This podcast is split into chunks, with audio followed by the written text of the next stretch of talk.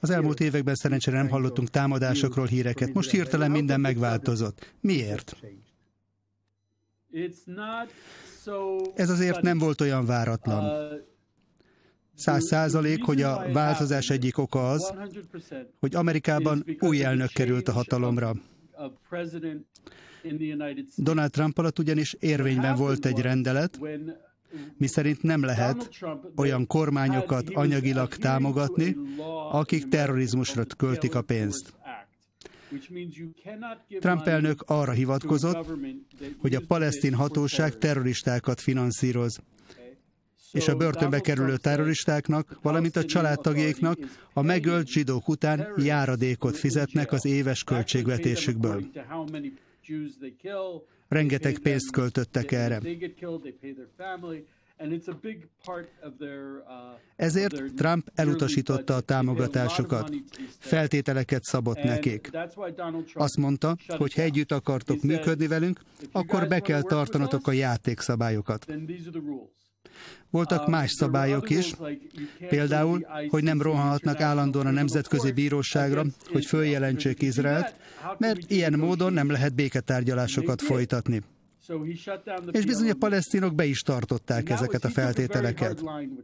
Tehát beszüntette Trump a palesztin felszabadítási szervezet akcióit. Kemény feltételeket szabott, mint egy szigorú apuka, aki azt mondja a fiának, ha kell neked ez az autó, hogy furikálsz a barátaiddal, nos akkor jobb lesz, hogyha rendesen viselkedsz. Autó csak akkor jár, ha jó gyerek vagy. Ugyanígy a palesztinok felszámolták az amerikai kapcsolataikat, de mégis betartották a szabályokat. Nem voltak rakétatámadások, zavargások és ilyenek.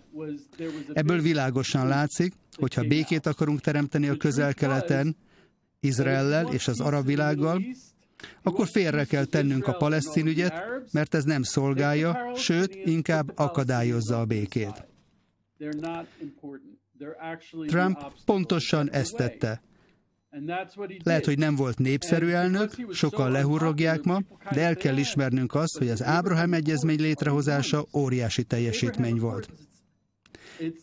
Ilyet még soha senki nem tett le az asztalra. Ezek valódi békekötések voltak.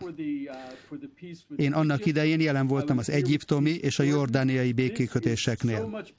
Békét kötöttünk akkor, de merev volt a hangulat, és nem volt szó kereskedelemről vagy ilyesmiről. Bahreinbe és az emírségekbe utazó diplomatáinkat azonban tárt karokkal várták. Rengeteg közös üzletet kötöttünk, mert közös az ellenségünk, Irán. Irán nem arab, hanem perzsa ország. Ők a síita, nem pedig a szunita ágát követik az iszlámnak. Ez a két vallási csoport ugyanis ellenséges egymással. Az arabok szuniták, Donald Trump ezt használta ki. Ismerik a Gordiuszi csomó történetét? Tudják, amit Nagy Sándor egy karcsúintással keresztül vágott. Na, Trump valami ilyesmit csinált. Neki más volt a hozzáállása. Üzletemberként viselkedett az elnöki székben is. Azt mondta, hogy nem nekünk kell megoldani a palesztinok problémáját. Vegyük le inkább ezt a kérdést a napirendről. Minden ment a maga útján, a palesztinok pedig betartották a szabályokat. Aztán megjelent Joe Biden, aki azonnal visszatért az iráni atomalkuhoz, ami egyébként ellentétes az arab országok érdekeivel, majd 132 millió dolláros segélyt küldött a palesztinoknak. Na mit gondol, mit fognak ezzel a rengeteg pénzzel csinálni? Hiszen nekik nincsenek hobbiaik, Bidennek tudnia kellett, hogy mikor odatta a pénzt, hogy ez a Hamasnál fog kikötni. És így is történt, egyenesen a Hamashoz ment a pénz.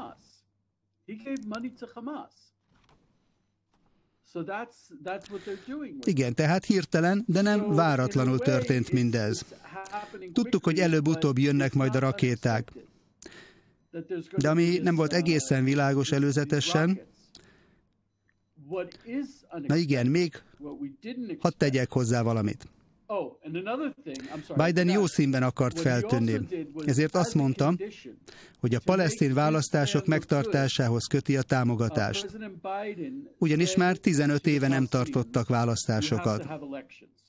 Azt mondta az amerikai elnök, választásokat kell tartanotok, mert jó színben kell feltűnnöm. Így Abbasnak meg kellett hirdetni a választásokat. De ő nem akarta ezt valójában megtartani. Ugyanis mindenki tudja, hogy ha megtartanák a választásokat, az a Hamas nyerné meg. Akkor a Hamas lesz az úr Gázában és Ramallahban. Tehát az történt, hogy Abbas Joe Biden miatt beleegyezett, de valójában meg akarta úszni a választásokat. Ehhez pedig Izraelt használta fel bűnbaknak. Hogyan állíthatja meg tehát a választásokat? Nos, kitalálta, hogy Jeruzsálemben is szavazhassanak az arabok, de valójában nem ez volt a lényeg. Feszültséget akart szítani, hogy elhalasztassák a választásokat, és most ennek az eredményét látjuk Izraelben.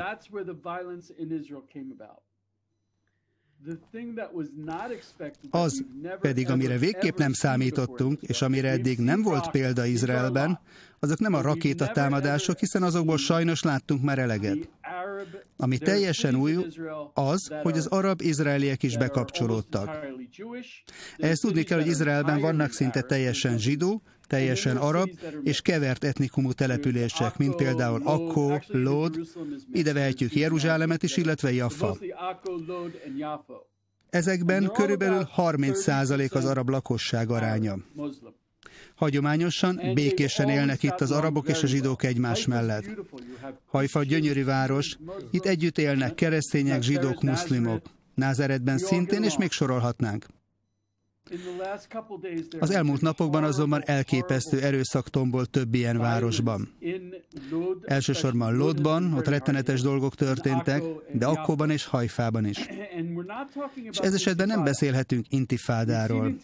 Intifádával már találkoztunk korábban. Az Judea és Samaria területén zajlott, más néven Cisjordániában. Ezek a zavargások azonban Izrael középső területein zajlottak. Az intifádák során a támadásokat általában egy-két arab követte el. Most viszont csoportos erőszakot látunk. Végigpusztítják a városokat, gyújtogatnak, zsidókat lincselnek és ölnek meg. Ilyesmire eddig még nem volt példa. Mondhatnánk azt is, igen, hasonló ez a BLM tüntetésekhez, nem? Amelyek Amerikában zajlottak. Pontosan. Pontosan erről van szó, hasonlítanak a BLM tüntetésekre, például amikor rendőrautókat gyújtanak fel. Szerintem egyébként közös spirituális eredete van a két erőszak hullámnak. Van köztük valóban kapcsolat? Spirituális vagy másfajta területen? Lehet szervezeti szinten is összefüggés a két mozgalom között? Teljes mértékben igen. Talán nem az izraeli oldalról, de a palesztin oldalról feltétlenül. Például az amerikai palesztin aktivisták nagy támogatói a BLM mozgalomnak. A BLM mozgalom a palesztinokat támogatja, részt is vesznek a bolykottokban. Tehát van egyezés társadalmi, sőt, politikai szinten is, hiszen többnyire ugyanazok a politikusok támogatják a BLM mozgalmat. Ők rendőrellenesek is és a palesztinokat is ők támogatják. Ez politikai és spirituális szempontból is érthető. Um, these are the same people who are supporting the Palestinians. Olyan emberekről van szó, akik ezt egyaránt képviselik. Hiszen mit is mond a Biblia? Azt olvasjuk, hogy legyünk jók, tartsuk be a szabályokat. Például ne gyilkoljunk. Ezek az emberek viszont magukat tartják Istennek, és maguknak akarnak törvényt szabni. Ezek ugyanazok az emberek. Néhány nappal ezelőtt az erőszak hullám előtt azt láthattuk, hogy tárgyalások zajlottak a kormányalakítással kapcsolatban, hogy vajon az új izraeli kormány akár baloldali, akár jobboldali áll föl. palesztin, arab pártok támogatásával jöhet létre. Változott ezzel kapcsolatban a helyzet? Még korai lenne biztosat mondani a koalícióról. Az biztos, hogy Izrael történetében először fordulna elő, hogy arab párt része lenne a koalíciónak. Ők eddig mindig ellenzékben voltak. Kérdés, hogy ezt a többi párt, vagy ők akarták így, ezt nem tudom eldönteni. Talán mind a kettő igaz egyszerre. Az biztos, hogy ilyenre most lenne példa először, és ez nem idézne elő egy egyszerű helyzetet. Több szempontból is így gondolom ezt. Először is, ha egy nagy párt bekerül egy koalícióba, az nyilvánvalóan posztokat fog kapni a kabinetben. És gondoljuk csak el, hogy milyen helyzet állna elő, ha például a biztonsági tanácskozások az arab párt képviselőinek a jelenlétében zajlanának. Hiszen, ha támogatnák is ezt a koalíciós kormányt, eddig még sohasem határolódtak el az erőszaktól, sőt, támogatták azt. És mi történne egy ilyen helyzetben? Az egyik vezető párt nem lenne hajlandó fellépni a gyújtogatások ellen? Ez igazán bonyolult helyzet lenne. Nem tudom, lehet, hogy ezzel rasszistának tűnök majd, de én például zsidó-izraeliként nem szeretném azt, ha a palesztin párt tagjai a kormányban ülnének. Egészen más a helyzet a drúzokkal. Őket teljes melszélességgel támogatnám. Elég rossz az is, hogy nincsenek keresztény pártok Izraelben. Egyetlen keresztény párt sincs a Knessetben. Ezt nem is értem. Igaz, hogy nem is indultak soha a választásokon. Drúzok azonban vannak a parlamentben. Ők egyébként a hadseregben is szolgáltak, és száz százalékban izraeli polgároknak tartják magukat. Én szolgáltam a seregben drúzokkal, sőt beduinokkal is, mondjuk az már egy kicsit más helyzet. De a palesztinok a hazánk ellen harcolnak. Őket beválasztani önként a kormányba? Hm. Hát félre ne értsenek, nekik mindig is volt pártjuk, sőt, ők stabilan a harmadik legnagyobb párt a Knessetben. Szóval hazudik az, aki azt mondja, hogy a palesztinok nem szavazhatnak Izraelben. Ez egy szemenszedett hazugság. Sőt, övék a harmadik legnagyobb párt. Azok az arabok, akik Judea Szamáriában élnek, én ezt a megfogalmazást használom, bocsássanak meg, nem szeretem használni a Cisjordánia kifejezést. Nos, úgy mond, ők a palesztin fennhatóság alá tartoznak, ezért nem szavaznak. Nekik a palesztin választásokon kellene szavazniuk, már feltéve, ha megtartanák ezeket. Azok az arabok, akik izraeli állampolgárok, ők szavazhatnak Izraelben. Mindenre van lehetőségük, csak nem szolgálnak a hadseregben. Egyébként teljes jogú állampolgárok tagjai lehetnek a kormánynak is, bármiféle tisztséget viselhetnek. De azért furcsa lenne az arab párt jelenléte egy ilyen döntéshozó pozícióban.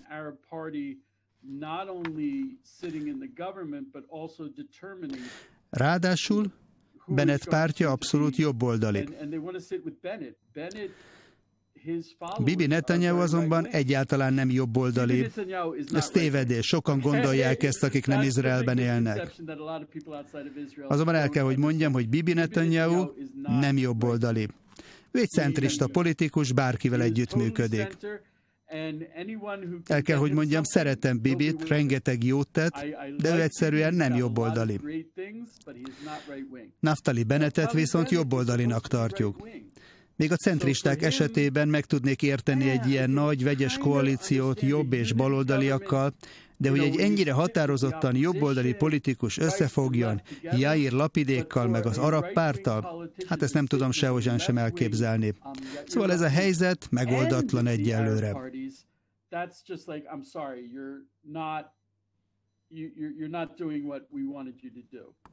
So that is a big problem.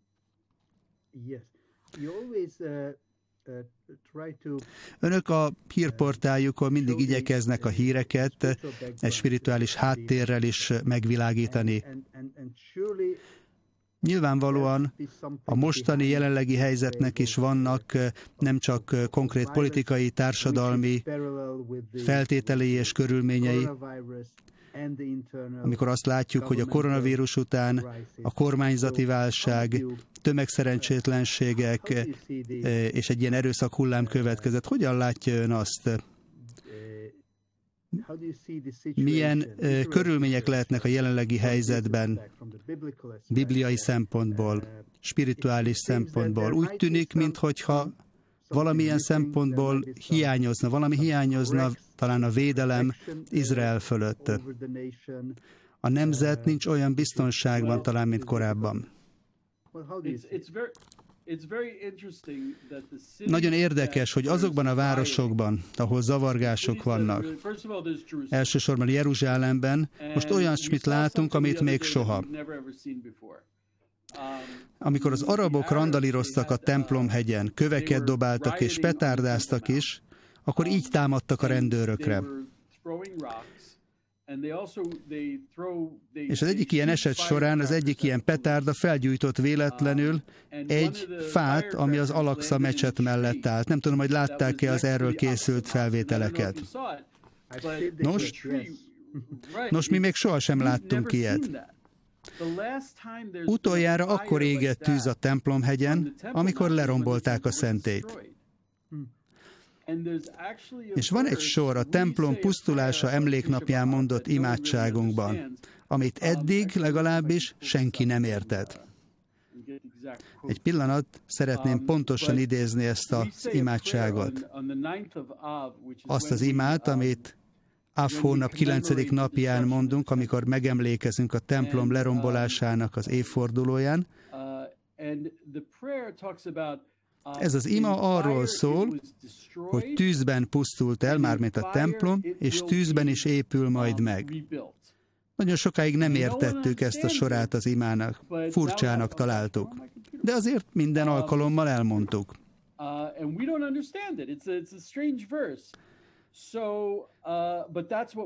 De ezt az imát mondtuk tehát a hónap 9. napján a templom pusztulására emlékezve. Um, És aztán van egy másik bibliai vers is, Zakariás könyvében, a második fejezet ötödik versében, ahol ezt olvashatjuk.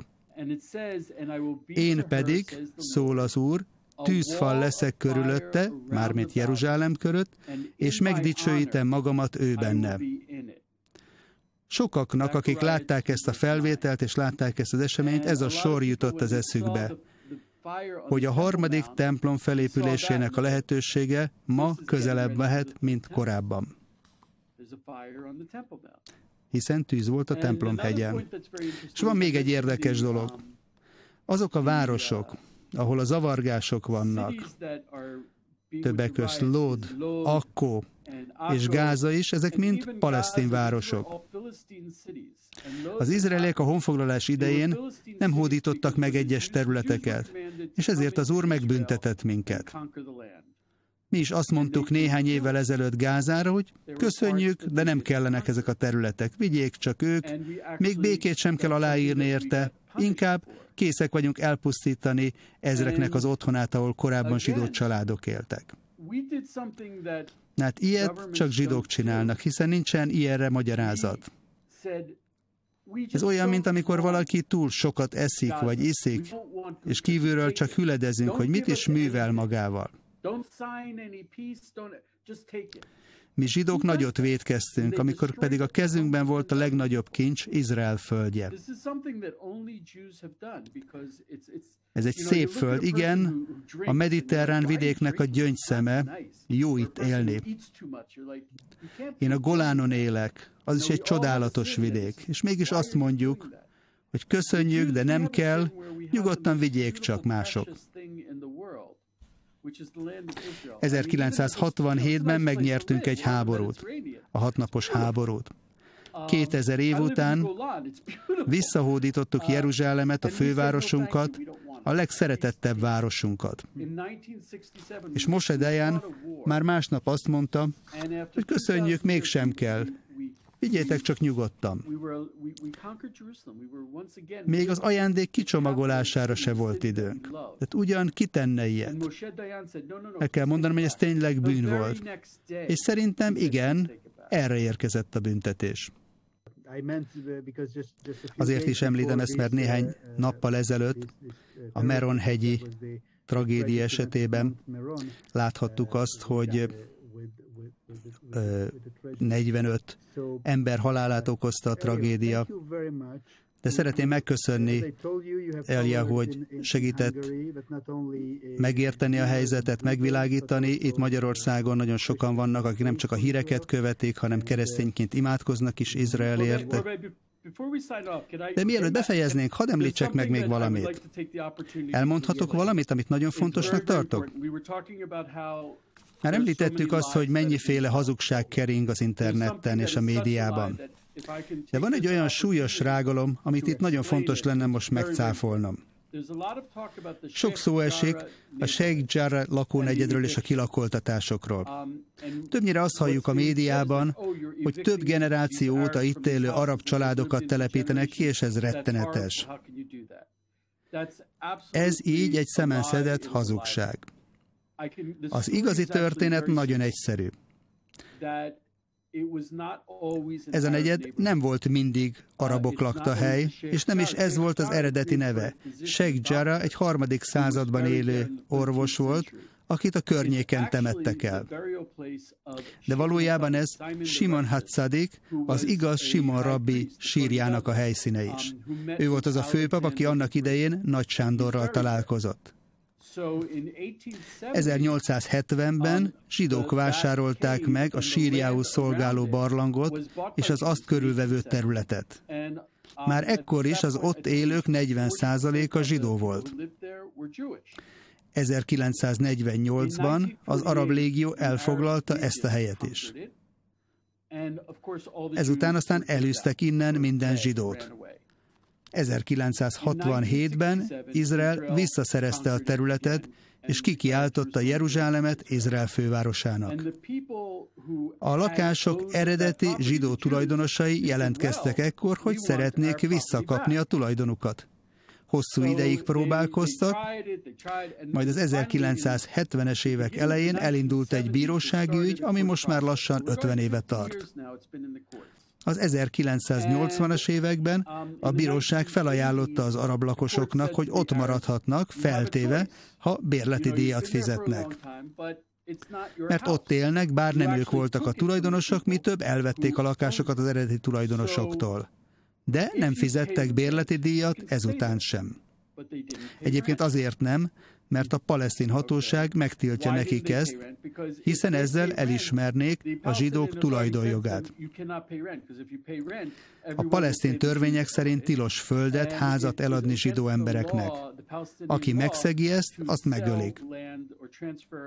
40 év után a bíróság aztán azt mondta, elnézést, de mivel még mindig nem fizettetek, ezért el kell hagynotok ezt a helyet. De nem azt mondták, hogy tűnjetek el innen, költözhettek volna a szomszédba is, Sheikh más lakásaiba, vagy bárhova Jeruzsálem és Izrael területén. Szóval amikor bárki etnikai tisztogatást emleget ezzel kapcsolatban, mondván a zsidók elüldözték az arabokat, az hazugság. Valójában az történik, hogy az arabok nem engedik, hogy zsidók költözzenek bizonyos területekre. Míg arabok élhetnek zsidóvárosokban, egyébként pont ezért beszélünk a zavargásokról, addig zsidók nem költözhetnek arab városokba. Sőt, a palesztin városokba izraelieknek egyszerűen tilos a belépés.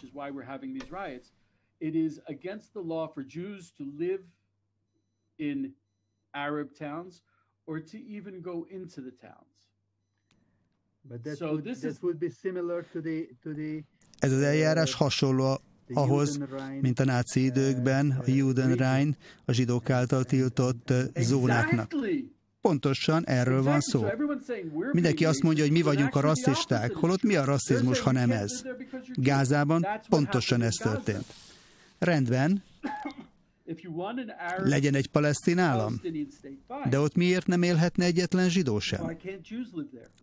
A két állami megoldás erről szól. Arról, arról szól, hogy a zsidók nem élhetnek akárhol. Vagy nézzük csak a templom egy helyzetét. Zsidók nem imádkozhatnak ott, arabok viszont igen. Sőt, keresztények sem imádkozhatnak ott. Ezt nagyon fontosnak tartottam tisztázni. Rendben, nagyon köszönjük, hogy ezt is elmondta nekünk.